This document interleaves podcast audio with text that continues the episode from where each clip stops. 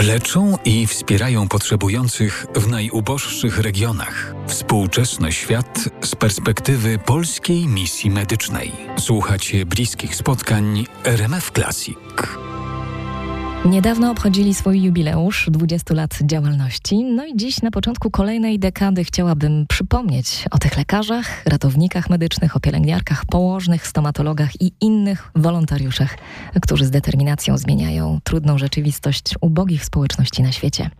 W gronie moich gości Jarosław Gucwa, specjalista chirurgii ogólnej i medycyny ratunkowej związany z Polską Misją Medyczną od początku jej powstania i przez wiele lat prezes zarządu stowarzyszenia, Małgorzata Olasińska Hart, koordynatorka projektów humanitarnych, obecnie członek zarządu oraz lekarze, którzy właśnie wrócili ze swojej pierwszej misji medycznej. Kinga Haczyk, Aneta Wach oraz Sebastian Woźniak. Wszyscy swoją wiedzą, doświadczeniem i determinacją pomagają potrzebującym bez względu na rasę, płeć, narodowość czy wyznanie. No i dziś opowiedzą Wam to, czego doświadczyli, co widzieli, dlaczego to robią, jak wygląda ich codzienność w pracy humanitarnej. I już za chwilę pierwsza odsłona naszej rozmowy, w której przywołamy motto przyświecające polskiej misji medycznej. Niesie ono za sobą wiele spraw. Zostańcie z RMF Classic. Jadwiga Polus, dzień dobry.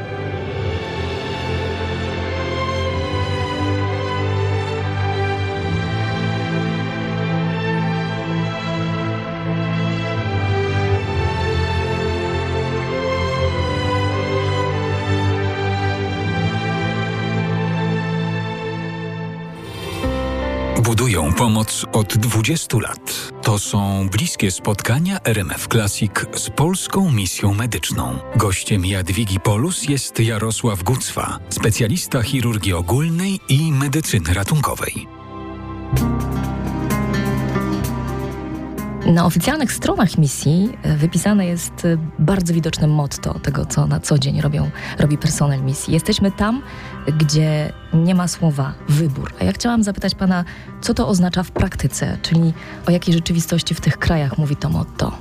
Chyba najprościej będzie się odnieść do tej rzeczywistości w Afryce, gdzie mówimy o miejscach, gdzie jedyną pomoc, jaką ci ludzie mogli uzyskać wcześniej, zanim nas tam nie było. Mówię o ludziach miejscowych, już nawet nie uchodźcach. No, to był technik weterynarii, który leczył zwierzęta, a jednocześnie, jeżeli trafił się ktoś chory, to leczył te osoby chore. Mówimy o państwach, gdzie na całe państwo wtedy było dwóch ortopedów i jeden kardiolog. Tak, więc to jest ten poziom opieki społecznej. Pomyślałam sobie, że może spróbujemy wspólnie opisać taki dzień z życia lekarza na misji. Ale to wszystko zależy od y, miejsca, wszystko zależy od y, rodzaju projektu. Jak chociażby w Ugandzie, to jest miejsce, gdzie zorganizowaliśmy szpital i wtedy dysponując już niedużą ilością czasu jechałem na tydzień, na półtorej tygodnia, żeby od rana do wieczora operować Ciekawi mnie projekt w Kenii, który, w którym brał Pan udział. Co to było? Projekt w Kenii był z kolei projektem szkoleniowym.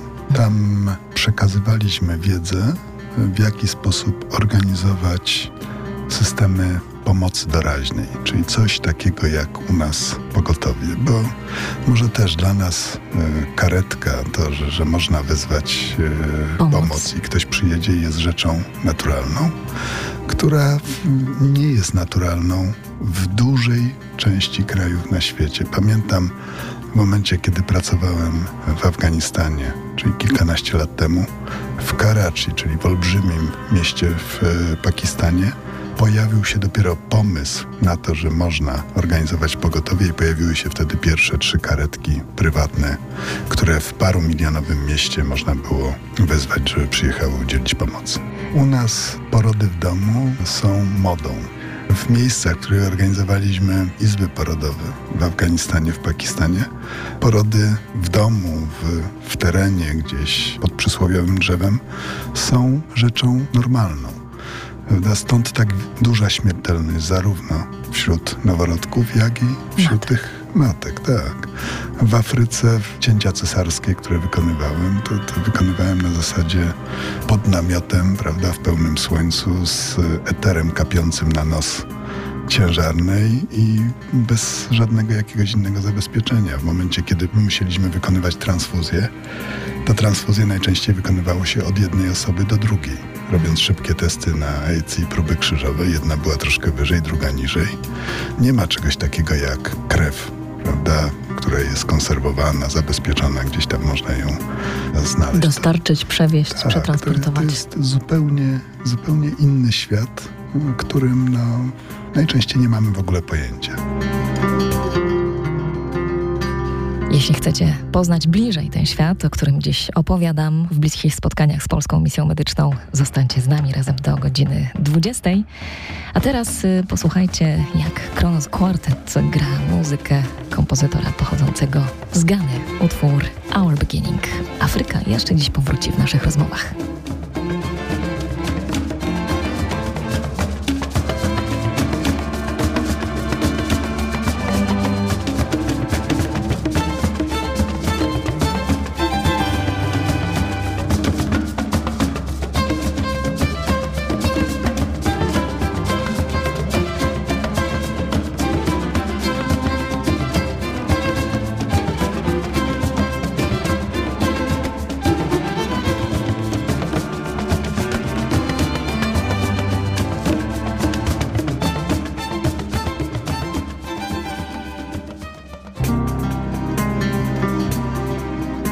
Koniec roku 2019 Polska Misja Medyczna zrealizowała bardzo taki, powiedziałabym, odważny projekt kliniki na Łodzi, dzięki której lekarze mogli dotrzeć do potrzebujących mieszkańców Birmy. Czy pamięta Pan inne tak odważne rozwiązania w trakcie swojej takiej aktywności w Polskiej Misji Medycznej? To jest tak, ja przeżyłem momenty, które przysporzyły mi siwych włosów na głowie, kiedy personel w jednej czy drugiej placówce trafiał gdzieś do więzienia, czy, czy był zamykany pod jakimiś e, właśnie pretekstami. I teraz z perspektywy lat bardziej cenię sobie bezpieczeństwo. Znaczy każdy z nich w jakiś sposób był odważny. Na pewno pomoc w trzęsieniu ziemi w Pakistanie, gdzie Lalipska e, z zespołem operowali gdzieś w górach, odcięci od świata, czy moment, kiedy Przemęgła był to chyba był jeden z pierwszych projektów w Turcji, prawda, i wyciągał e, ludzi gdzieś spod gruzów tych budynków. To były takie projekty, gdzie koledzy, którzy tam pojechali, ryzykowali sporo. Jak ten świat wyglądał 20 lat temu, a jak wygląda dziś z perspektywy lekarzy? Jest to świat złożony, w którym nie ma prostych absolutnie rozwiązań. No, pomoc humanitarna nie rozwiąże nigdy podstawowego problemu, czyli rozsądnych rządów. Proszę zwrócić uwagę, gdzie pomagamy. Pomagamy w Birmie, gdzie jest reżim, pomagaliśmy w Afganistanie, gdzie był konflikt, w Iraku, gdzie, gdzie był konflikt. Jak pracowaliśmy w Czadzie, to na lotnisku zawsze stał gotowy samolot dla prezydenta, który latał leczyć się do Francji. Ale jego prawda? Mieszkańcy, tak, którymi obywatele. tak, nie mieli takiej możliwości. Podobnie jest w Ugandzie, w której byłem, gdzie pomiędzy Pałacem Prezydenckim a lotniskiem jest jedyny obszar, gdzie jest autostrada, żeby, żeby prezydent mógł zawsze o każdej porze sobie polecieć gdzieś, gdzie uzyska pomoc, albo po prostu uciec z kraju, jeżeli by uznał, że jego obywatele już mają go dosyć. Czy pomoc humanitarna jest wszędzie przyjmowana z otwartymi rękami?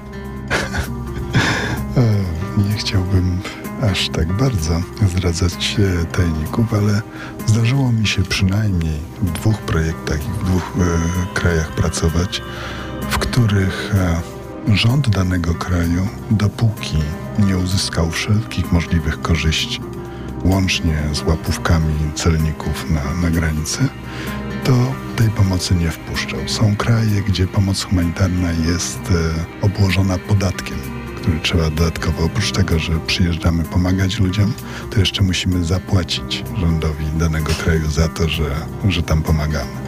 Więc nie, to, to nie jest tak. Przestaje to wyglądać już nie tylko sprawiedliwie, ale przestaje wyglądać sympatycznie i często wiąże się z dodatkowymi zagrożeniami. Jarosław Gucwa, specjalista chirurgii ogólnej i medycyny ratunkowej, wieloletni kierownik Polskiej Misji Medycznej i jej współzałożyciel. Już za chwilę spróbujemy odpowiedzieć sobie na pytanie, jak mądrze pomagać pomimo trudnej geopolitycznej sytuacji. Moim gościem będzie Małgorzata Olesińska-Hart, koordynatorka projektów międzynarodowych. Goodbye, Norma Jean.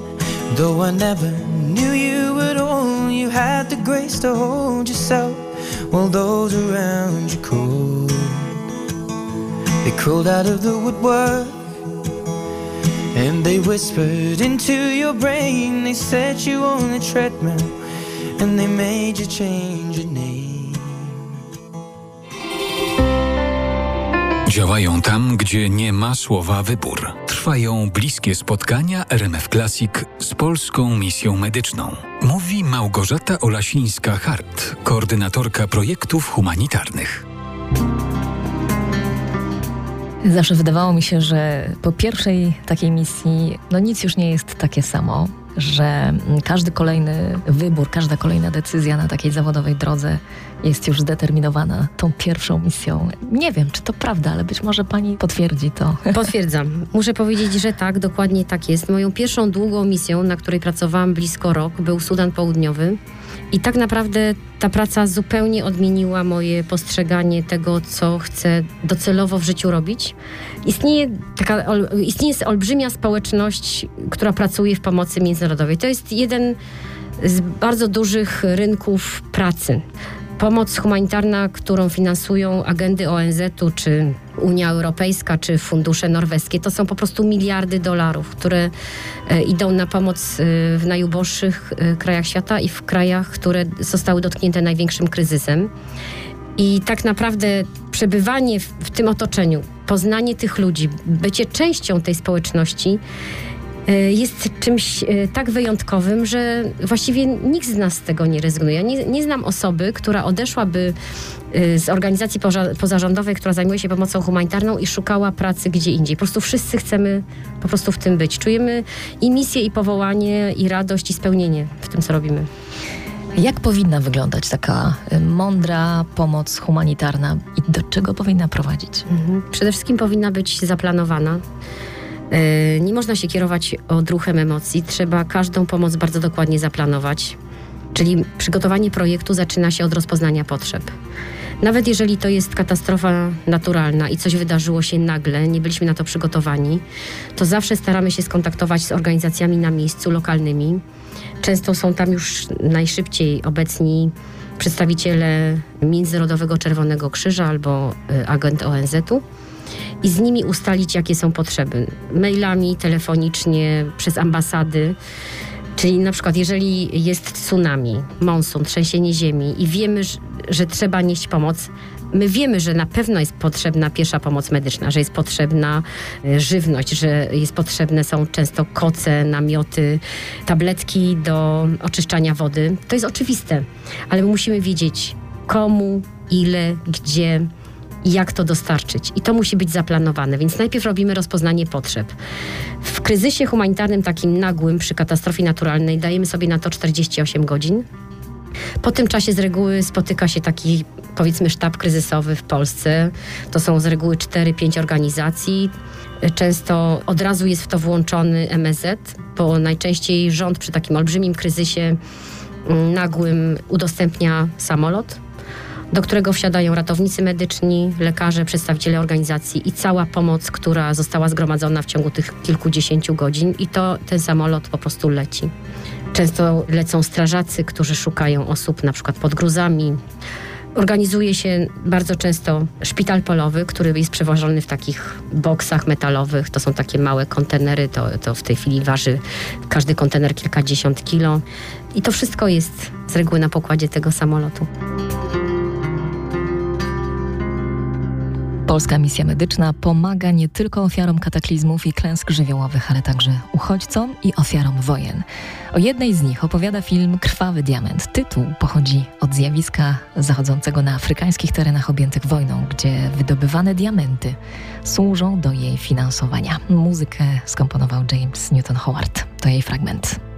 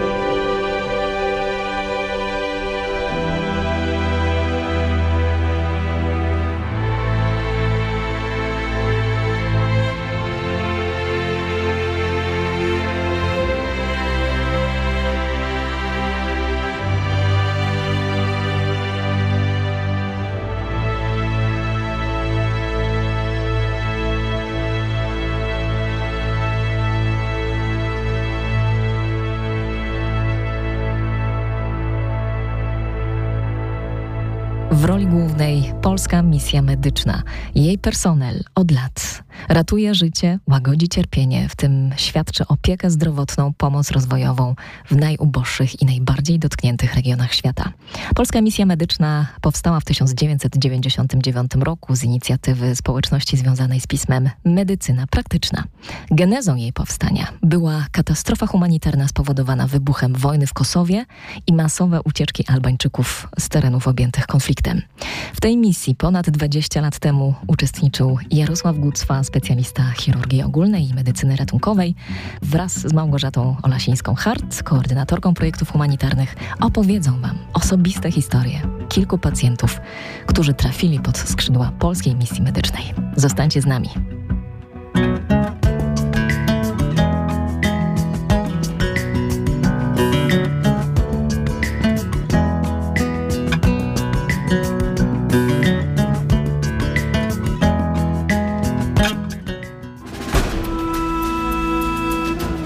Chciałabym przywołać taką sytuację, być może jakiegoś konkretnego człowieka lub społeczność, która skorzystała z pomocy polskiej misji medycznej. Szukam y, jakiejś twarzy, jakiegoś konkretnego imienia, które warto wspomnieć, bo ono może powiedzieć coś więcej naszym słuchaczom. Ja myślę, że tak na zawsze to pozostanie mi w pamięci Hasan. To jest taki chłopak, którego spotkałem w Iraku w momencie, kiedy tam prowadziliśmy głównie takie projekty wtedy rozwojowe, czyli wspomagaliśmy odbudowę lokalnego szpitala, szkoliliśmy e, lekarzy również tutaj w Polsce, wysyłaliśmy do nich sprzęt, ale w tym pierwszym etapie, kiedy współpracowałem jeszcze z Amerykanami, bo jeszcze Polaków, polskich wojsk wtedy nie było w Iraku, tam miejscowa pani porucznik od, od pomocy humanitarnej spytała, czy nie moglibyśmy pomóc niektórym pacjentom, którzy tam no, będą skazani raczej na śmierć. I tam e, trafiliśmy właśnie na takiego dzieciaka, który w wyniku jakiejś eksplozji już on był z olbrzymimi, olbrzymimi ubytkami. On praktycznie rzecz biorąc no, nie miał dużej części mięśni jednej nogi był skrajnie niedożywiony e, z uszkodzonym stawem biodrowym, to znaczy nie miał tego stawu biodrowego. No i jego w pierwszym etapie, można powiedzieć, że przeszmuglowaliśmy e, do Polski.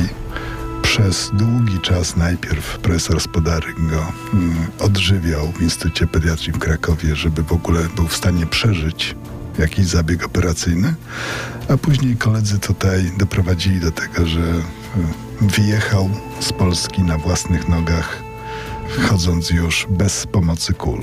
Więc e, no to, jest, to jest niesamowite. To jest właśnie coś, co zostaje w pamięci na zawsze i a, co pokazuje, że warto.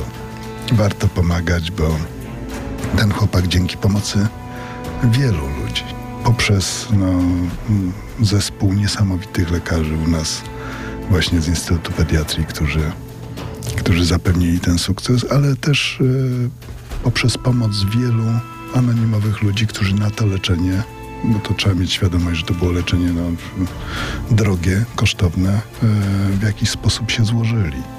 Ja tak cały czas się zastanawiałem, bo u nas zawsze nie jest popularne pomaganie ludziom z zagranicy. Zawsze spotykałem się z takimi a, opiniami, że no, że mamy tu większe potrzeby. Tak, że w mhm. pierwszej kolejności trzeba pomagać tutaj na miejscu.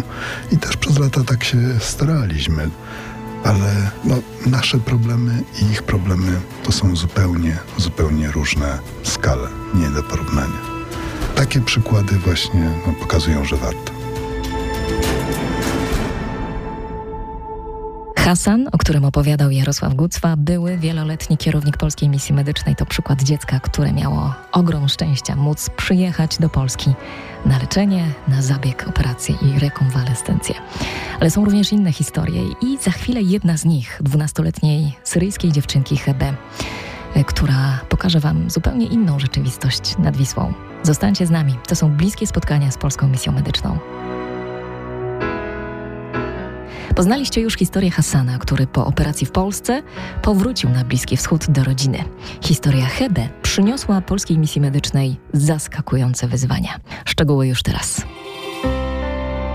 Działają tam, gdzie nie ma słowa wybór. Trwają bliskie spotkania RMF Classic z polską misją medyczną. Mówi Małgorzata Olasińska-Hart, koordynatorka projektów humanitarnych. Chciałabym przywołać taką sytuację osoby, która skorzystała z pomocy, jest bliska pani e, sercu. Mhm. No to powiem o takiej dwunastoletniej syryjskiej dziewczynce Hebe, którą spotkałam zupełnie przypadkiem w 2017 roku w lutym, kiedy pojechałyśmy z prezes Ewą Piekarską zawieść e, no, kilkadziesiąt tysięcy dolarów na zakup środków ratujących życie do naszej partnerskiej organizacji syryjskich lekarzy w Syrii. I nasi lekarze powiedzieli, że chcieliby nam pokazać dziecko w rodzinie, które czeka na protezy. No to poszłyśmy do tej, do tej rodziny. To było na granicy turecko-syryjskiej w Kilis po stronie Turcji i spotkałyśmy tam Hebę, która od czterech lat nie miała nóg. Bomba urwała jej nogi, jak miała lat 8. E, jej rodzina ją przerzuciła do Turcji, do wujka, który tam dostał status uchodźcy i ona w tej Turcji miała dostać protezy. A cała rodzina, jej siostry i rodzice zostali w Syrii szczęśliwie. Cała rodzina nie ucierpiała w trakcie wojny. No i chyba rzeczywiście dostała takie protezy z gąbki, ale naprawdę z gąbki, takie jak myjemy się pod prysznicem, na których w ogóle nie mogła stać, no bo trudno stać na gąbce, nawet jak te stopy były zrobione z jakiegoś gipsu. No i siedziała na takim materacyku w ekstremalnie ubogich warunkach. My z Ewą wróciłyśmy do hotelu i po prostu płakałyśmy. E, no i postanowiłyśmy wtedy coś zrobić z problemem właśnie e, w ogóle dzieci, które straciły nogi w wyniku bombardowań i amputacji w Syrii. No i postanowiłyśmy zacząć od Hebe. To była bardzo długa walka, żeby Hebe dostała protezy. Ona miała przyjechać do Polski. Mm, prezydent Sopotu Jacek Karnowski zaprosił ją. Szpital e, w Sopocie wyraził zgodę na bezpłatne dopasowanie protez. Wojewoda Pomorski wydał zaproszenia dla niej i dla jej babci. Naprawdę cudem udało się Hebe wyrobić paszport. Przecież ona nie miała paszportu. Musiała jechać z opiekunką, czyli przerzucaliśmy babcię z Syrii do Turcji. To też była cała operacja logistyczna, żeby tą babcię przerzucić, bo granica jest zamknięta. Babcia szczęśliwie miała paszport, dlatego mogła, mogła do tej Polski potencjalnie jechać. No ale okazało się, że mimo y, wszystkich zgód y, i dokumentacji, y, po prostu ani chyba, ani babcia nie dostaną wiz do Polski. To była po prostu decyzja poza jakby kompetencjami konsula w Ankarze. To była decyzja, którą, y, która została podjęta na poziomie premiera, pani Beaty Szydło. Y, I Hebe tej wizy nie dostała. Ja po prostu nie, nie mogłam w to uwierzyć, że po wielu miesiącach tak strasznie ciężkiej pracy, nie tylko nas, ale przede wszystkim Syryjczyków, którzy y, naprawdę przy pomocy Boga, Allaha, szczęścia, dobrych ludzi zgromadzili dokumenty pozwalające Hebe na y, otrzymanie syryjskiego paszportu w ambasadzie syryjskiej w Ankarze. I ostatni element tej układanki po prostu, po prostu się nie ułożył.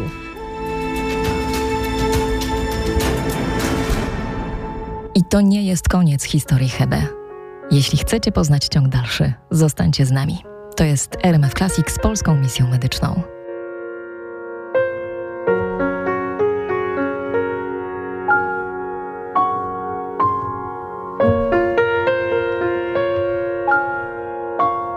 Dziś snujemy refleksję na temat międzynarodowej pomocy i rzeczywistości, z jaką spotykają się organizacje humanitarne, takie jak Polska Misja Medyczna. Czas dokończyć historię Hebe, o której opowiada mój gość. Po wielu miesiącach pracy nad dokumentacją i każdym kolejnym ogniwem misternej układanki związanej z formalnym pozwoleniem na przywiezienie dwunastoletniej dziewczynki na oprotezowanie do Polski, zawodzi ostatni element tej układanki – Polska nie wydaje wizy dziewczynce. Posłuchajcie, z jaką determinacją Ewa Piekarska i Małgorzata Olasińska-Hart podejmują akcję. Działają tam, gdzie nie ma słowa wybór. Trwają bliskie spotkania RMF Classic z polską misją medyczną. Mówi Małgorzata Olasińska-Hart, koordynatorka projektów humanitarnych. Nie odpuściłyśmy. Napisałam naprawdę bardzo dużo pism dotyczących tej sytuacji i też sytuacji innych dzieci pozbawionych nóg. I rząd polski wyasygnował fundusze na dorobienie Hebe nóg w Turcji. No i Hebe dostała naprawdę fantastyczne, elektroniczne dwie protezy nóg na których może skakać, biegać yy, i odwiedziłam ją, kiedy już miała te nogi, bo spotkałam się z nią trzy razy i kiedy już dostała nogi, poprosiłam ją, żeby jeszcze poczekała miesiąc na mnie, bo naprawdę muszę ją zobaczyć, więc Hebe, która już strasznie chciała wracać do Syrii, do rodziców i do sióstr, a jeszcze w międzyczasie urodził się braciszek, szóste dziecko w tej rodzinie, poczekała na mnie, no i spotkałyśmy się już tak patrząc sobie w oczy, bo przeżyłam traumę, kiedy y, widziałam ją pierwszy raz i powitała mnie po prostu połowa dziecka, bo Hebe mhm. sięgała mi do kolan, bo nie miała całych nóg i nogi były amputowane bardzo wysoko. A kiedy spotkałyśmy się po raz ostatni, no to po prostu zeszła do mnie po schodach, na których wcześniej suwała się na pupie w worku foliowym, żeby sobie nie pobrudzić y, ubrania. No i popatrzyłyśmy tak na siebie praktycznie sobie prosto w oczy i płakałyśmy. To było coś absolutnie niesamowitego. No i od tego czasu udało nam się e, kupić protezy dzięki hojności Polaków i, wpłatą Polaków na nasze konto. E, no właściwie chyba ponad 20 dzieciom w, w Syrii takich najlepszych elektronicznych protez. Natomiast dzięki funduszom z KPRM-u dorobiłyśmy 302 protezy kobietom i dzieciom wewnątrz Syrii, takie mechaniczne protezy, prostsze, ale też umożliwiające im powrót do życia. Więc jakby ta Hebe no, stała się takim symbolem naszej walki o dzieci i kobiety po amputacjach w Syrii. No i no, to było dla mnie naprawdę absolutnie traumatyczne, wstrząsające i takie, taki kamień milowy w mojej pracy tutaj. Ciekawi mnie ten moment, w którym nie odpuściłyście z panią prezesową piekarską po tym dramatycznym ostatnim elemencie, który zawiódł. Jak wygląda współpraca? Co się dzieje wtedy w Polskiej Misji Medycznej? Y, no wtedy zastanawiamy się, co zrobić. Postanowiliśmy oczywiście otworzyć zbiórkę i postanowiłyśmy po prostu usłać pisma i nie odpuścić. I składałam takie pisma trzykrotnie, związane z, z oprotezowaniem dzieci, w tym Hebe. W czasie, kiedy organizowałyśmy pomoc dla Hebe, była taka sytuacja w Polsce, że zadzwoniło wiele prezydentów miast, proponując przyjęcie dzieci na oprotezowanie do Wrocławia, do Poznania, do Gdańska, do Sopotu, do Krakowa, prosząc nas o pośrednictwo, ale okazało się, że to po prostu jest niemożliwe, że mimo, że te dzieci są, nie mają protez, nie mają szans na protezy, nigdy do Polski nie przyjadą. No ale udało nam się y, zrobić to w Turcji i zrobić to w Syrii. Te dzieci nie przyjechały tutaj, ale jakby no dzięki naszej determinacji dostały protezy tam. Y, no i to jest taka jedna, y, jedna ważna cecha pracy w tym naszym sektorze NGO-sowskim, y, po prostu nie odpuszczać. To jest determinacja, wyznaczenie sobie celu i prędzej czy później ten cel zostanie osiągnięty. Może to trwać nawet kilka lat. Nie ma to dla nas do końca znaczenia, bo sytuacja kryzysowa nie zmieni się tak szybko. Ten kryzys będzie trwał. Czy dziś, czy jutro, czy za dwa lata, nadal ci ludzie będą w potrzebie. Jeśli komuś z Was tli się taka myśl, może by wyjechać na misję medyczną, już za chwilę z moim gościem opowiemy Wam o tym, o czym powinniście wiedzieć przed podjęciem takiej decyzji. Zostańcie z RMF Classic, to są bliskie spotkania z Polską Misją Medyczną. You with the sad eyes. Don't be discouraged, oh, Działają tam, gdzie nie ma słowa wybór. Trwają bliskie spotkania RMF Classic z polską misją medyczną. Mówi Małgorzata Olasińska-Hart, koordynatorka projektów humanitarnych. Chciałabym przez moment pomyśleć teraz o tych, którzy słuchają naszej rozmowy, bo myślę, że jest po drugiej stronie wielu, powiedzmy, kolegów po fachu, albo lekarzy, albo ratowników medycznych, pielęgniarki, którzy mają gdzieś taki w sobie taki głos, myślą o misji medycznej. Co powinni wiedzieć, zanim podejmą taką decyzję?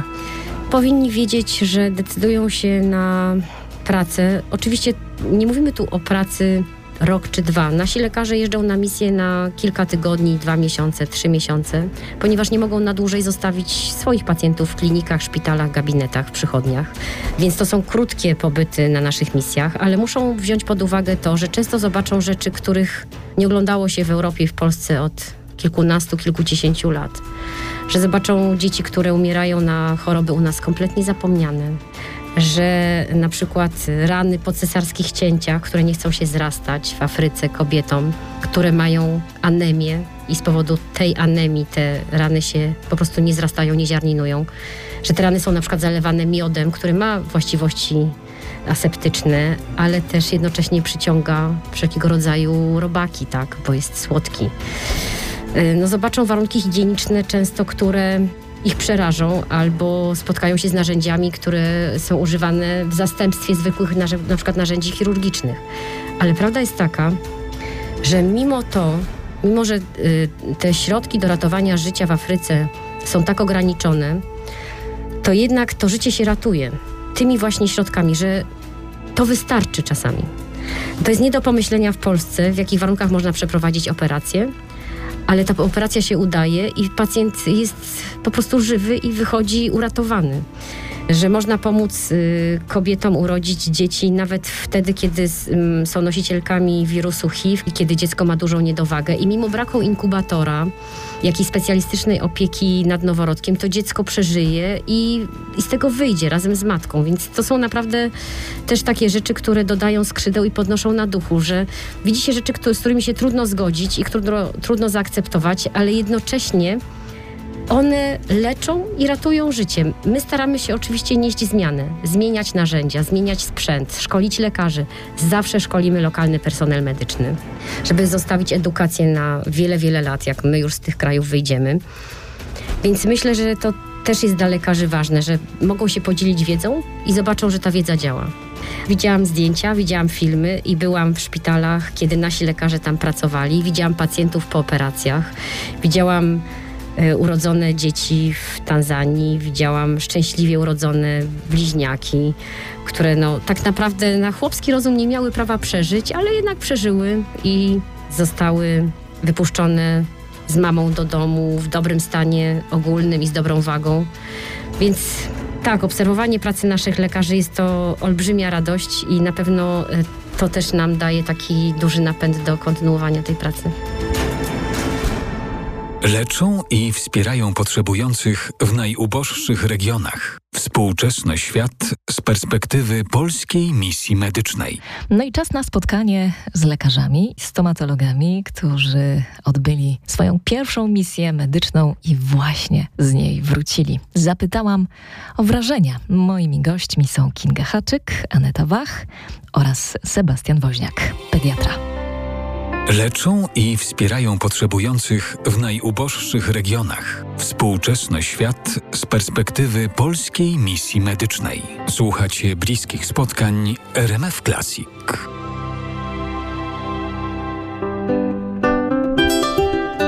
Jechaliśmy tam z jakąś taką nadzieją. Przede wszystkim, że, że coś poznamy nowego, że, że spotkamy się z czymś, czego wcześniej nie doświadczyliśmy. I, I, to było na początku.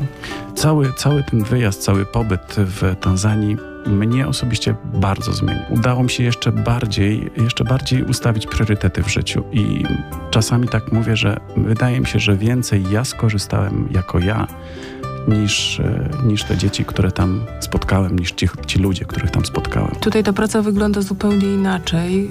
E, to jest po prostu łatwiej. Wszystko jest dostępne na miejscu. Mamy co chcemy, kupujemy co chcemy.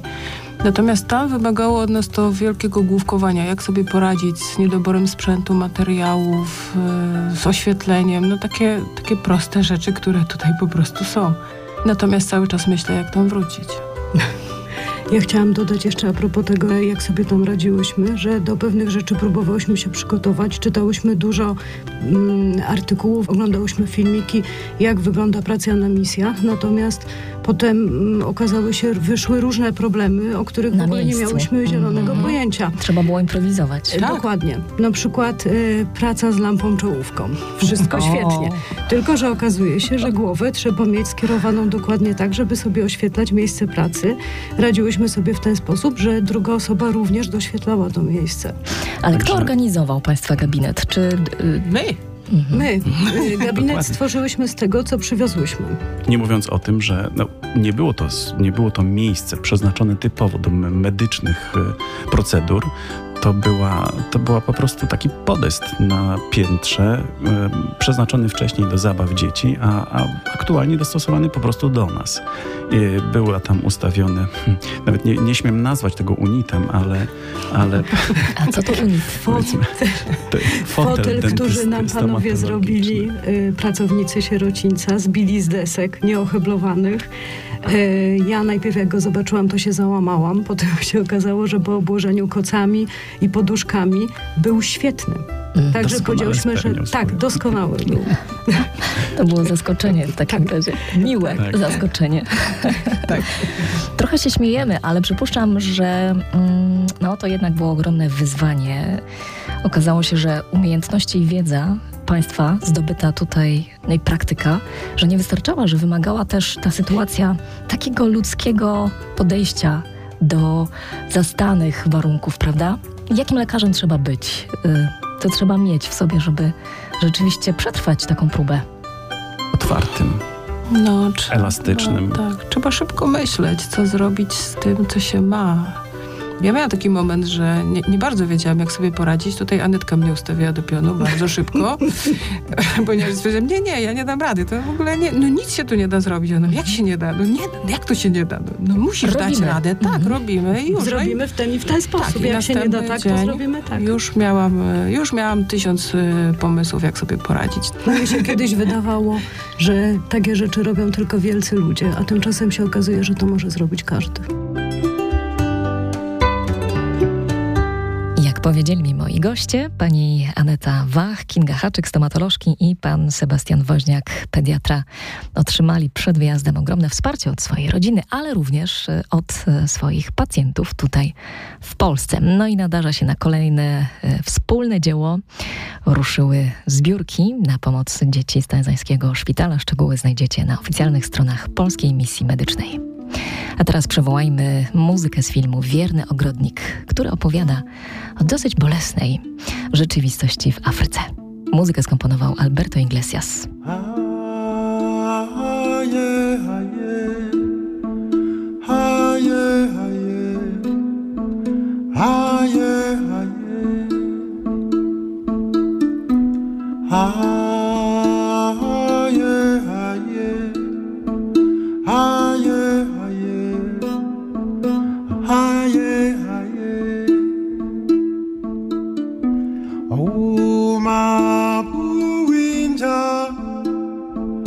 Cospiro, che lurdo che tal